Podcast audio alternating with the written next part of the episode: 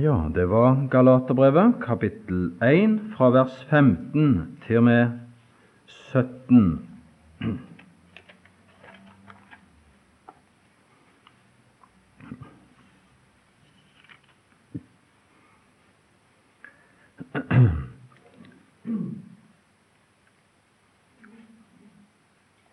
Galaterbrevet 1, 15-17.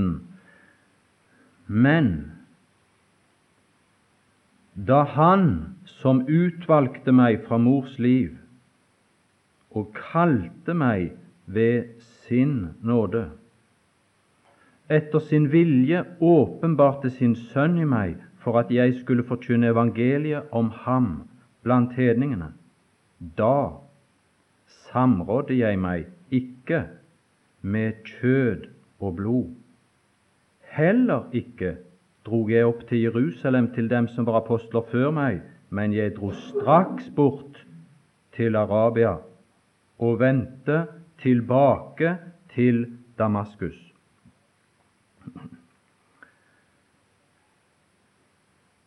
I Samsons dager så var det fiender. Filistrene var fienden som undertrykte Israel og holdt de borte fra å gå inn i arven og i frihet nyte den. Når vi kommer til Galaterbrevet, så ser vi at uh, den slags fiender for Guds folk var ikke utrydda på det tidspunkt. Her opptrer fiender som vil frarøve disse i Galatia å gå inn i, nyte i frihet, den arv som Herren hadde gitt dem. Og apostelen blir nødt til å tilbakevise fiendens angrep og fri Guds folk ut for å beskytte dem i den frihet Herren har gitt dem. Så her i Galaterbrevet er det slike grunnleggende, fundamentale sannheter egentlig i vår kristne tro som er saken. Apostelen har, som jeg tidligere har sagt, i vers 11 og 12 ført fram en tese, om du vil, brevets første tese, og han gir fra vers 13 til og med kapittel 2, vers 21, bevis som dokumenterer denne tese i vers 11 og 12.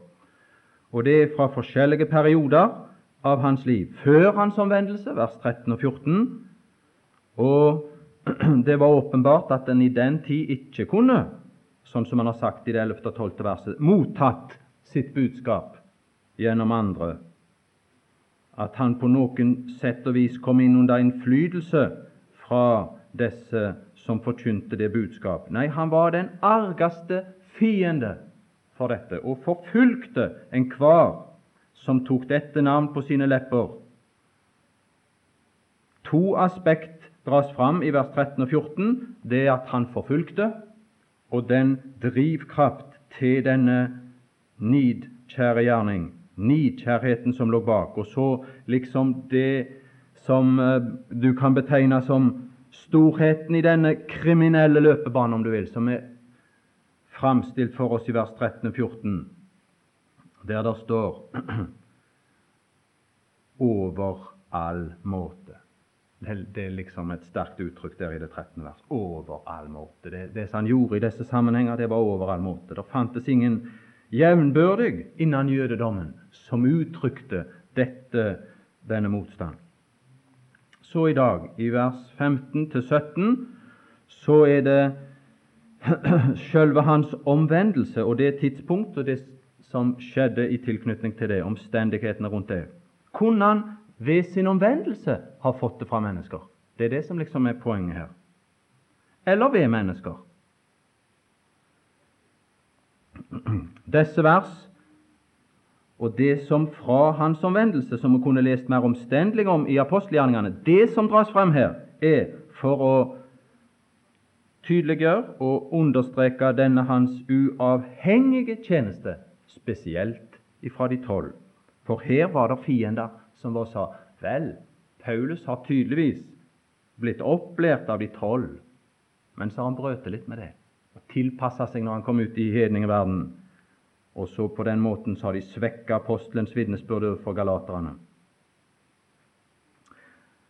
Det som sies fra vers 15 til 17, det bekrefter at han ved sin omvendelse og i en tid etter sin omvendelse holdt seg atskilt fra Jerusalem og de som var de rådende menn i Jerusalem. Det er en sterk kontrast mellom det 13., og 14. og det 15. og 16. verset. Du vil se i det 13. og 14. der er det jeg som er emnet. Apostelen sjøl. I de neste to, 15 og 16, så vil du se med en gang hvem det er som framtrer der. Det er Gud. Og det er denne kontrast jeg gjerne vil understreke litt. Dette 'men', som det 15. vers begynner med. I motsetning til det han i sin kriminelle løpebane foretok seg, så kommer det et endepunkt der han blir slått ned. Og det er tre ting som sies her i vers 15 og vers 16, og det er på en måte en trinnvis eh, framstilling av disse ting. Noe før hans fødsel, fra mors liv. Da utvalgte han meg, eller egentlig Det er ikke ordet for utvelgelse som er brukt der, egentlig, men det er utskilte. Og Jeg skal si litt om det litt seinere. Utskilte. Og så kalte meg ved sin nåde, og det var det som fant sted der ved Damaskus. Og så dette i tillegg som der fant sted, at han åpenbarte sin sønn i meg. Det er den store ting. Og alt dette vitner klart om Guds nåde. Når kristendommens hovedfiende i aposteltiden på den måten blei slått ned og tatt opp, så var det Gud som trådte i aktivitet i sin godhet uforskyldte nåde, pur nåde imot denne. For ingen som hadde slike karakteregenskaper som de som er skissert i det 13. og 14. vers, ingen som var slik nikjær i sin forfølgelse, kunne blitt omvendt ved hjelp av et menneske eller et menneskelig vitnesbyrd. Gud sjøl måtte gripe inn. Gud sjøl måtte gjøre det uavhengig av alle menneskelige redskaper. Og På den måten så er det noe helt spesielt, synes jeg, og, og tror jeg, i, i, Paulus sin omvendelse. Um, skal komme til det litt seinere, men uh, jeg vil bare si det med det samme, at uh, han taler i 1. Korinterbrev 15 om at han, som den siste, fikk se Herren, og da omtaler han seg sjøl under et uttrykk som 'det ufullbårne foster'. Egentlig det som er født før den rette tid var kommet. Og, og, og, Det synes som om både dette skriftstedet som jeg nå har sitert, og ellers en del andre ting som jeg ikke nå vil ta tid til å lese opp, synes å, å si dette at han og hans omvendelse ved Herrens direkte inngripen er av samme art som når Israel en dag som nasjon skal frelses. Du kan lese i Romerbrevet 11 det skal ikke skje ved evangeliet. Men det står 'og således skal hele Israel bli frelst'. Hvorledes? Jo, som skrevet står, Herren sjøl skal gripe inn. Herren sjøl skal komme ned og slå de i kne og frelse de uforskyldt nåde. De som egentlig hadde vært fulgt av den samme nikjære loviskhet. De skal slås ned i den naturlige styrke, tas opp uforskyldt av nåde.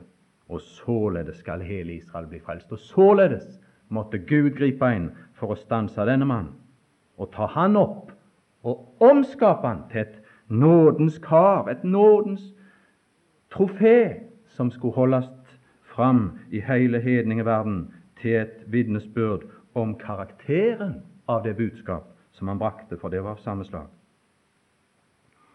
Vi har sett egentlig det fulle svaret allerede i vers 12, der, der, der, der satsen er dette ved Jesu Kristi åpenbaring.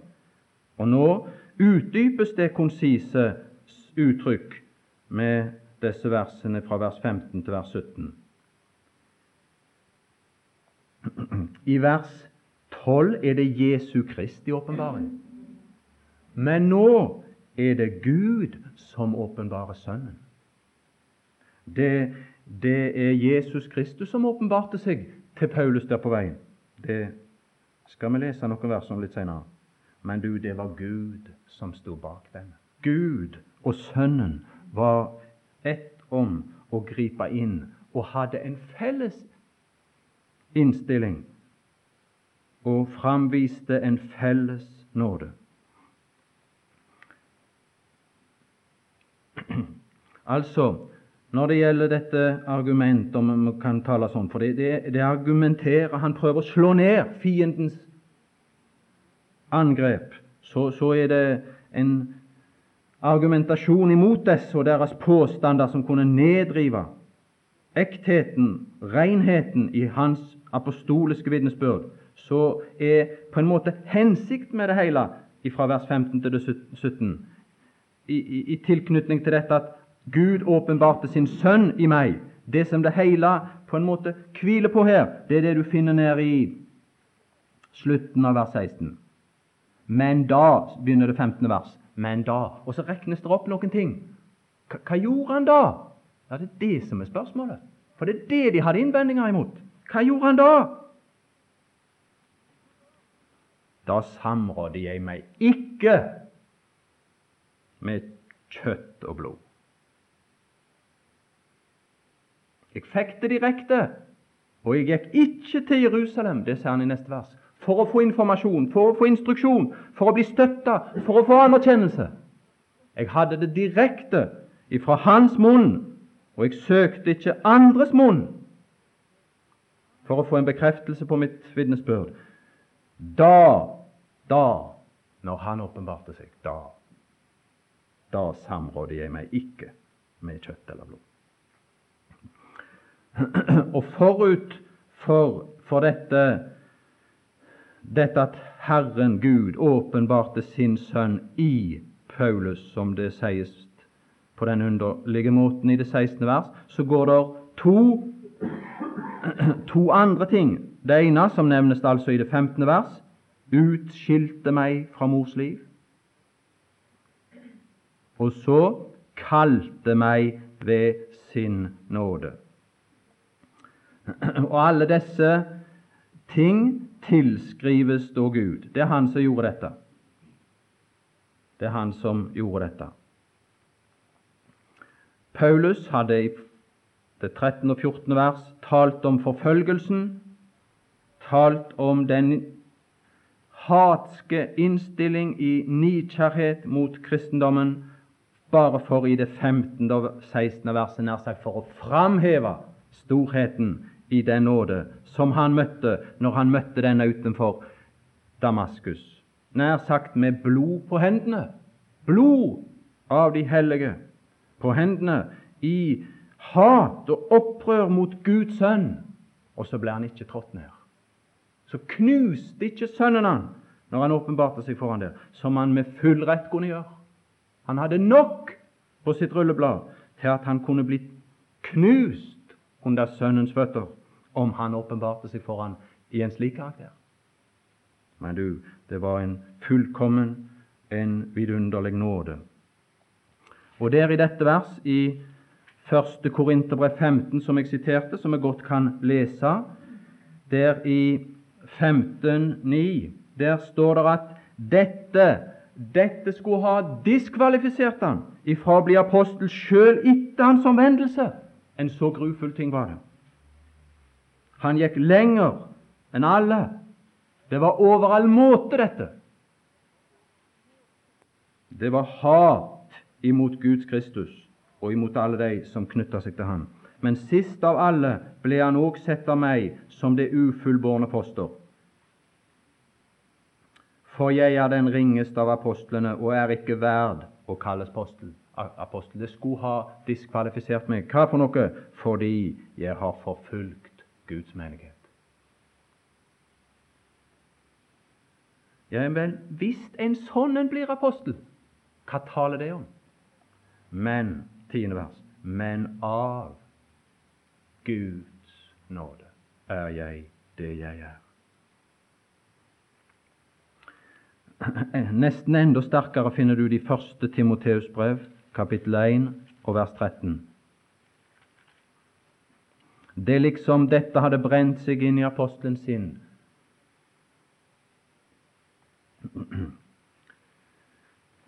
Du ser i det tolvte vers at han satte meg til tjenesten. Det, det, det, det som jeg gjorde forut for denne store hendelse utenfor for Damaskus, det skulle ha diskvalifisert meg totalt, sier han i første Korinterbrev. Og så, så beskriver han dette som, som karakteriserte han før. Meg. Meg, altså. At han kunne sette meg til tjenesten. Som før var en spotter. Og det var ikke spotter i vanlig forstand, men det er blasfemi. Det er Guds bespottelse. Før sin omvendelse så lyste Paulus forbannelse over Guds sønn. Han var enig med rådet at denne mann må på et tre og den som skal på et tre, han skal der fordi han er under Guds forbannelse. Og Paulus var enig i dette. Dette er ikke en slutning jeg drar. La oss lese et vers om det. For det framhever arten av den nåde som er framvist i Paulus' omvendelse. Og det er den art av nåde som er evangeliet for meg, og som ikke måtte forspilles for galaterne. Se i apostelgjerningene 26, 9. Der er samme ord brukt. Det er blasfemia som er brukt på gresk. Det er Guds bespottelse. Tenk du, han var ulastelig etter loven i ytre forstand, men du, han hata Guds Kristus. I sannhet, verdens barnelærdom er en fattig barnelærdom. Jeg for min del trodde nå at jeg burde gjøre meget mot Jesus. Det er så oppildende. Vi skal se hva det var i forbindelse med denne Jesus som gjorde det så flammende, dette hat. Nasareerens navn. Det gjorde jeg også i Jerusalem, og både kastet jeg mange av de hellige i fengsel etter at jeg hadde fått fullmakt av yppersteprestene, og når de skulle slås i hjel, gav jeg mitt, min stemme til det. Og omkring i alle synagogene tvang jeg dem ofte ved straff til å spotte. Hva for noe? Det navn som man ikke kunne tåle. Det måtte fordømmelse over det navn. Det måtte forbannes, dette navn.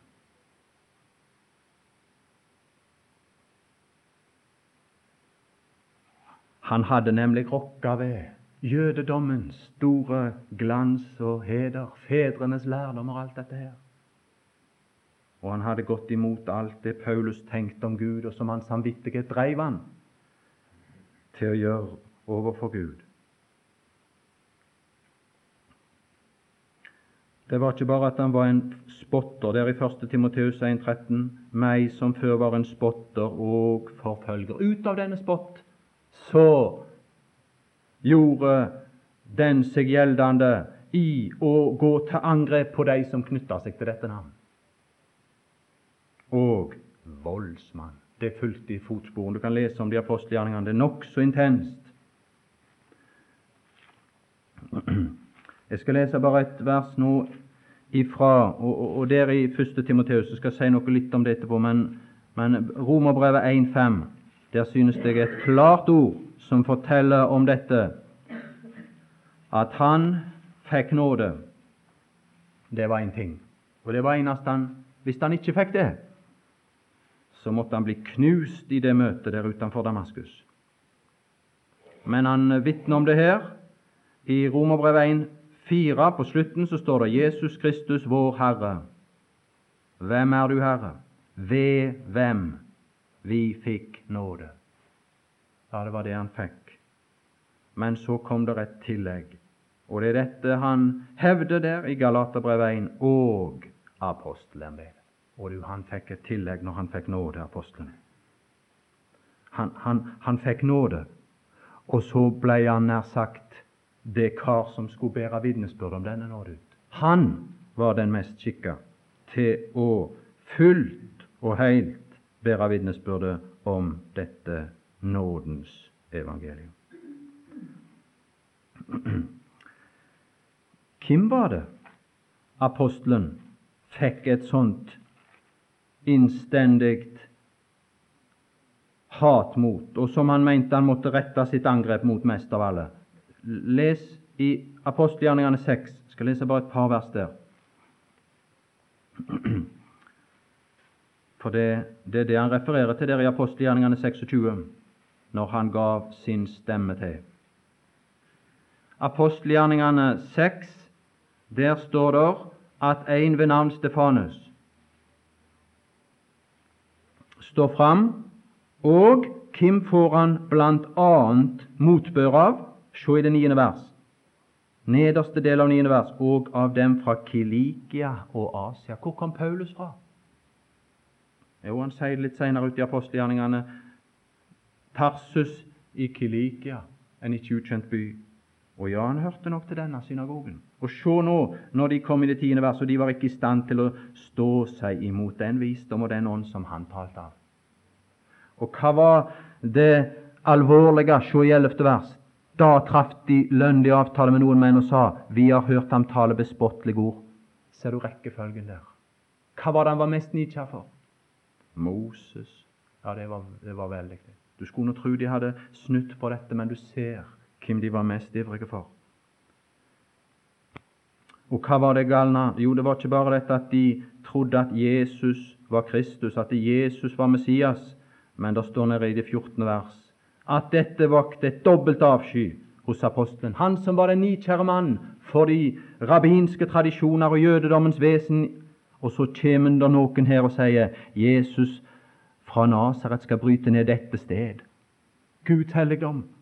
Og forandre de skikker som Moses gav oss.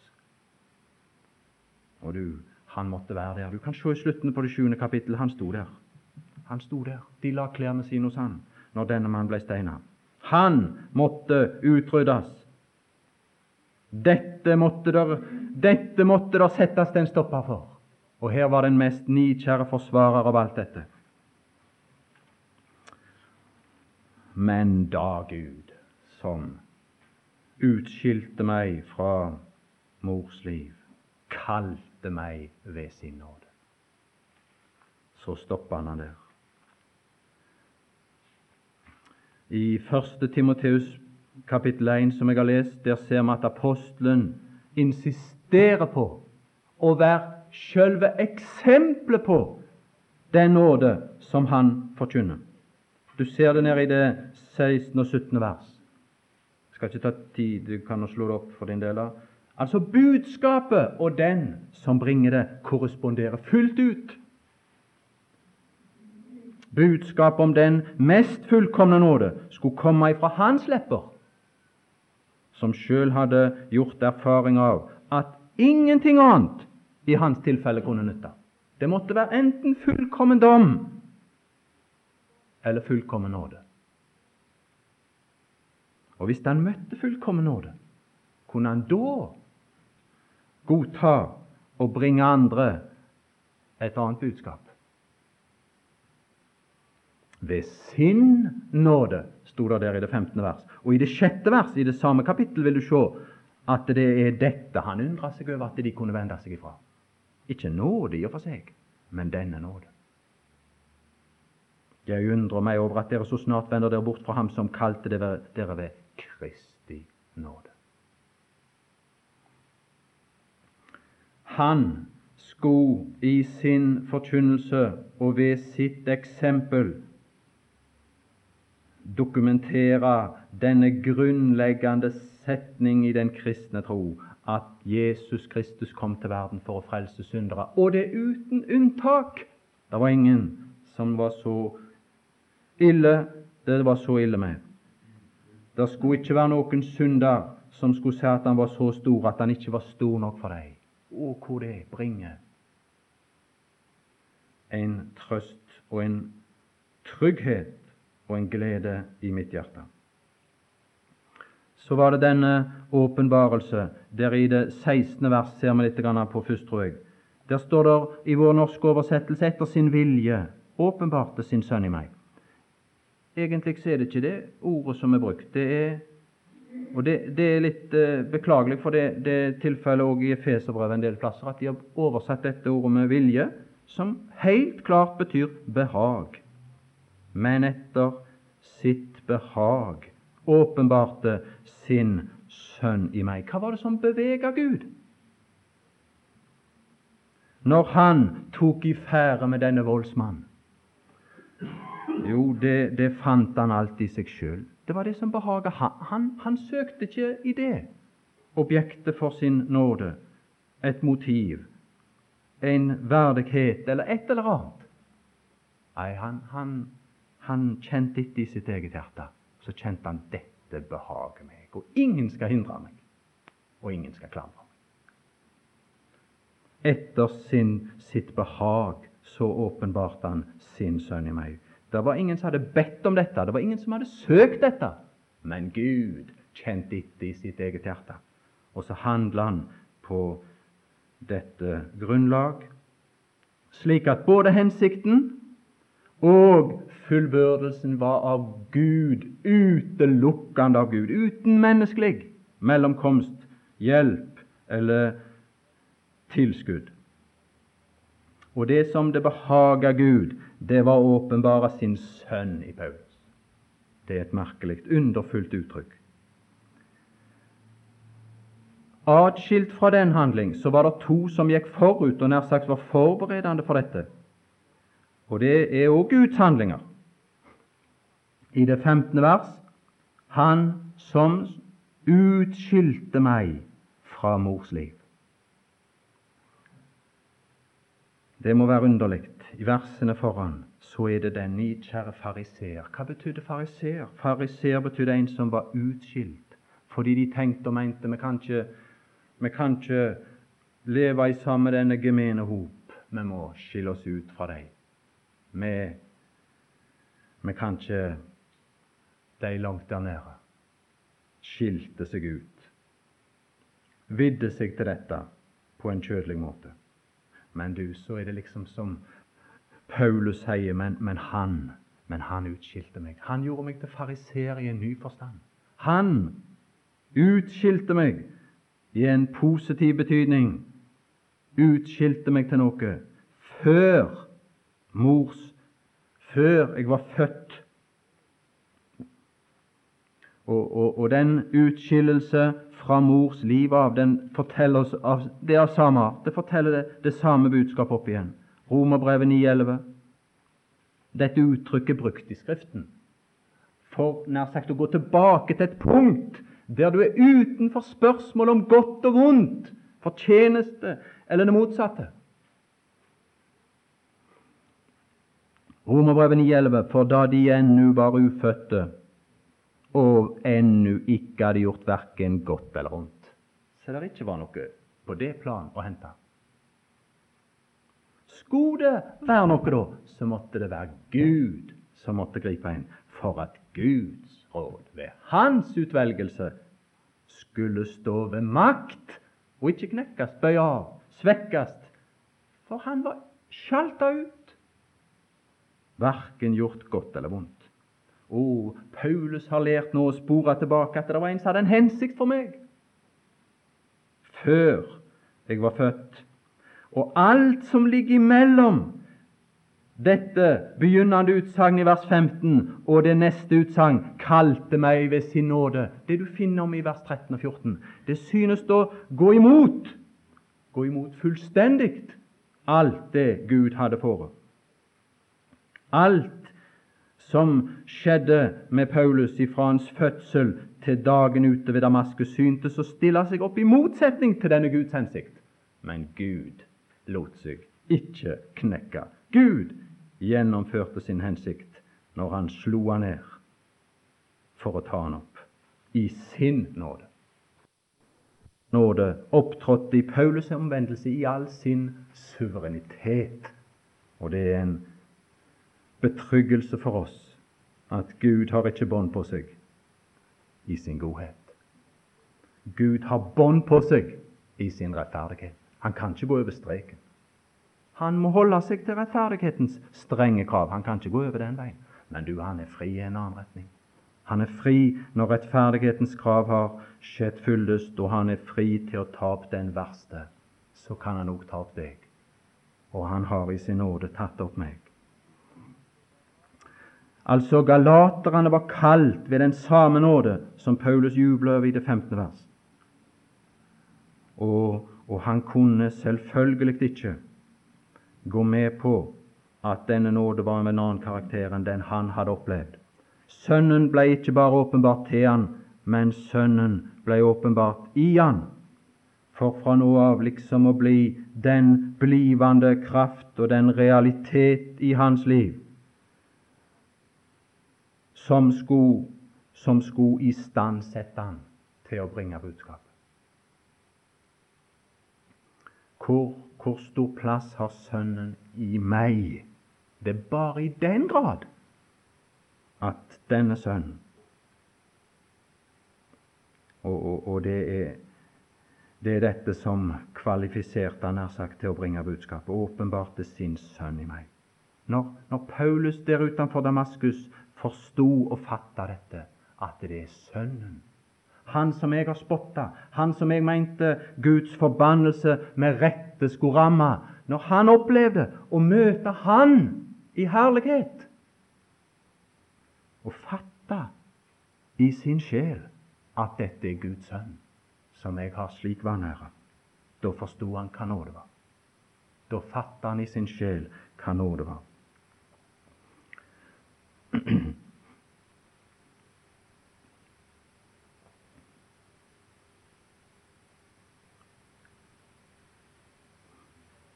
Hensikten her var klar for at jeg skal forkynne evangeliet om ham blant hedninger.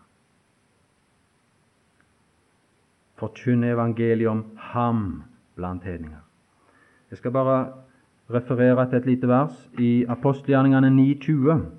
Der står det den første som forkynte om Guds sønn. Andre forkynte om Guds Messias, men han forkynte nå om Guds sønn.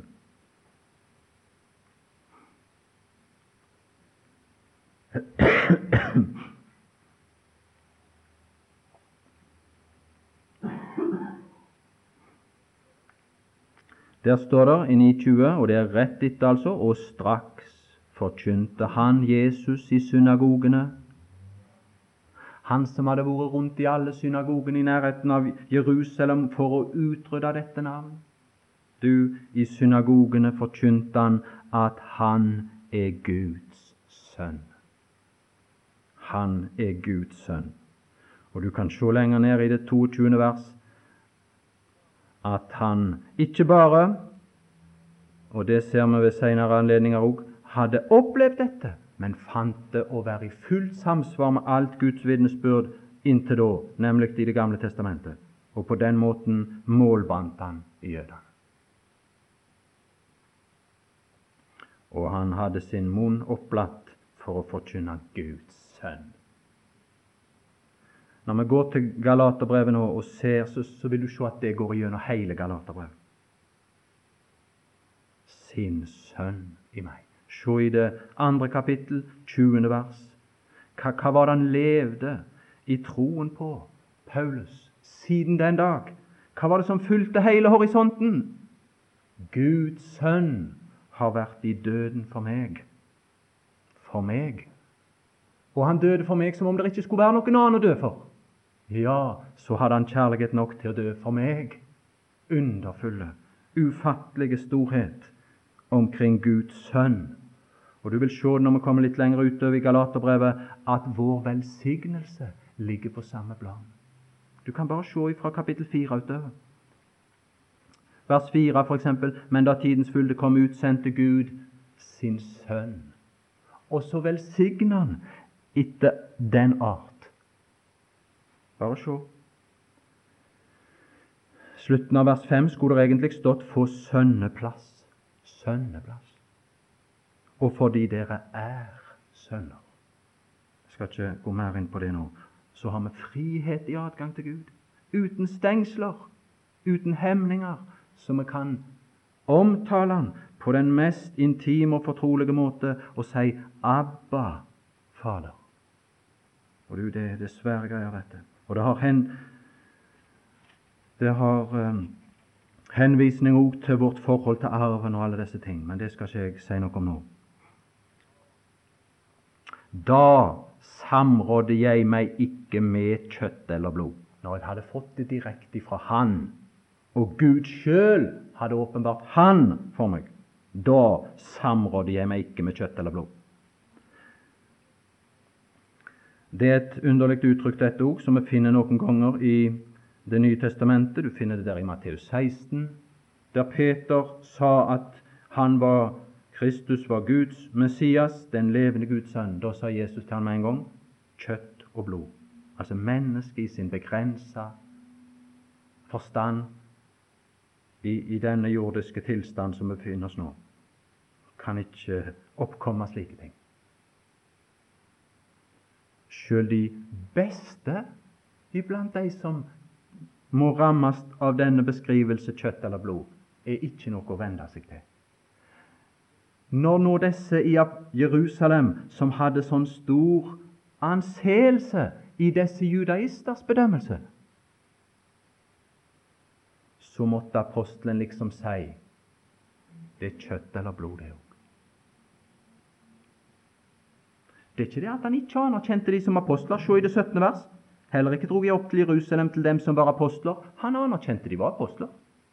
Men du, i forhold til Gud så var de kjøtt og blod. Og når Gud har talt til meg La oss lese et vers om det. For det, det, det legges det stor vekt på. Flere plasser, men du kan se det i 22, 14 i apostelgjerningene.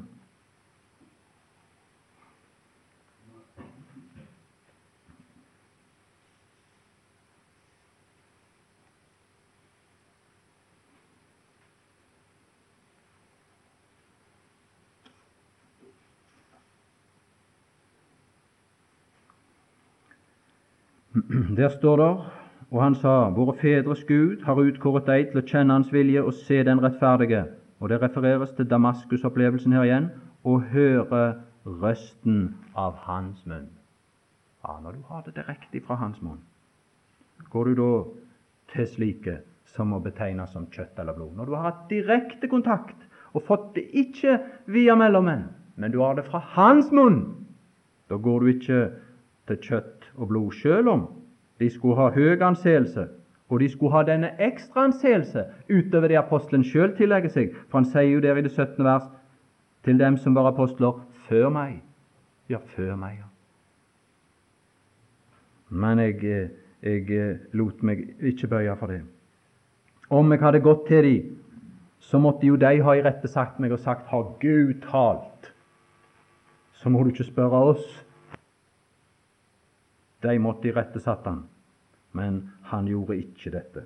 Han samrådde seg ikke med kjøtt eller blod. Og heller ikke drog han opp til Jerusalem til dem som var apostler før meg. Men han drog straks bort til Arabia og vendte tilbake til Damaskus. Det er litt merkelig at Paulus ikke ble omvendt i Jerusalem. Det er litt merkelig at Herren nær sagt overstyrte den naturlige styrke som gikk utover alle bredder, for det var ingen andre som for til de utenlandske byer. Men det ser ut for at Herren overstyrte denne naturlige styrke i apostelen til for å få han utenfor Jerusalem, og omvende han på et sted utenfor Jerusalem, så han skulle være fri for både den anklage som nå ble retta mot ham, og i det hele tatt utenfor det jordiske senter for Guds handling inntil da, for nå er Guds senter en annen plass. Og alle Guds hellige, om de er i Jerusalem eller om de er i Norge, skal knyttes til det guddommelige senter i dag, og det er Guds trone, Kristus i herlighet. Direkte kontakt med Han.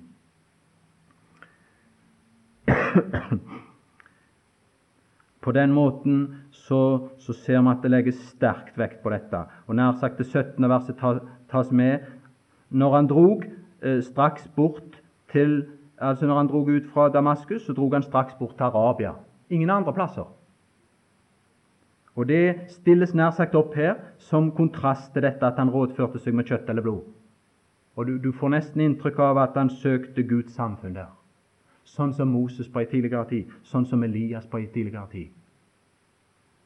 Og du får kun den opplysning her i Galaterbrevet. Og jeg synes det er litt interessant, selv om det må ikke tillegges noe særlig verdi, for det er en slutning som kan være gal.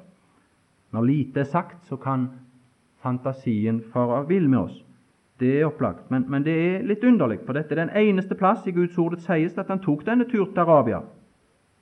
Og i dette brev er det en plass til der det tales om Arabia. Og det er i kapittel 4, vers 25. For Hagar er berget Sinai i Arabia. Det er liksom du får et inntrykk av at han skulle liksom der. For å nær sagt utarbeide i sin sjel dette revolusjonerende som hadde skjedd, som snudde opp ned på alle hans forestillinger inntil da, og at han i sin sjel, i samfunn med Herren og ikke kjøtt og blod, skulle nær sagt utarbeida i sin sjel lærdommen om Hagar. Dette loviske vesen, dette loviske vesen som galaterne sto i fare for å komme inn i nå, som han hadde vært hovedeksponenten for og den store kraft inntil Gud slo han ned. Hva som skjedde der i Arabia, det vet vi ikke. Men på en måte er det litt underlig, for hvor lenge han har vært der, det kan vi heller ikke si. Men du kunne nesten tro at han skulle få sine tre år med Herren, sånn som de andre, han òg. For du ser at eh, i det 18. verset begynner det 'siden tre år etter'. Ja vel, fra han ble omvendt ved Damaskus, og det ser ut for han ganske raskt forut til Arabia, og han må ha vært der kanskje bortimot en treårsperiode. Nøyaktig vet vi ikke det, for det sies det ikke så direkte. Og vendte deretter tilbake til Damaskus. En annen gang så kan vi se hvordan han kom ut derifra. Jeg tror jeg skal stanse med dette. Men det, det som er åpenbart her, er dette, og det er klart dokumentert med klare fakta. Disse doble nektelsene er på en måte begrunna det er gitt fakta tilstrekkelig til at alt skulle være i dagen når det gjaldt hans omvendelse og den umiddelbare tid etter hans omvendelse. Da samråder jeg meg ikke. Og så kommer det i 17. vers heller ikke. Og så gir han fakta for disse ting.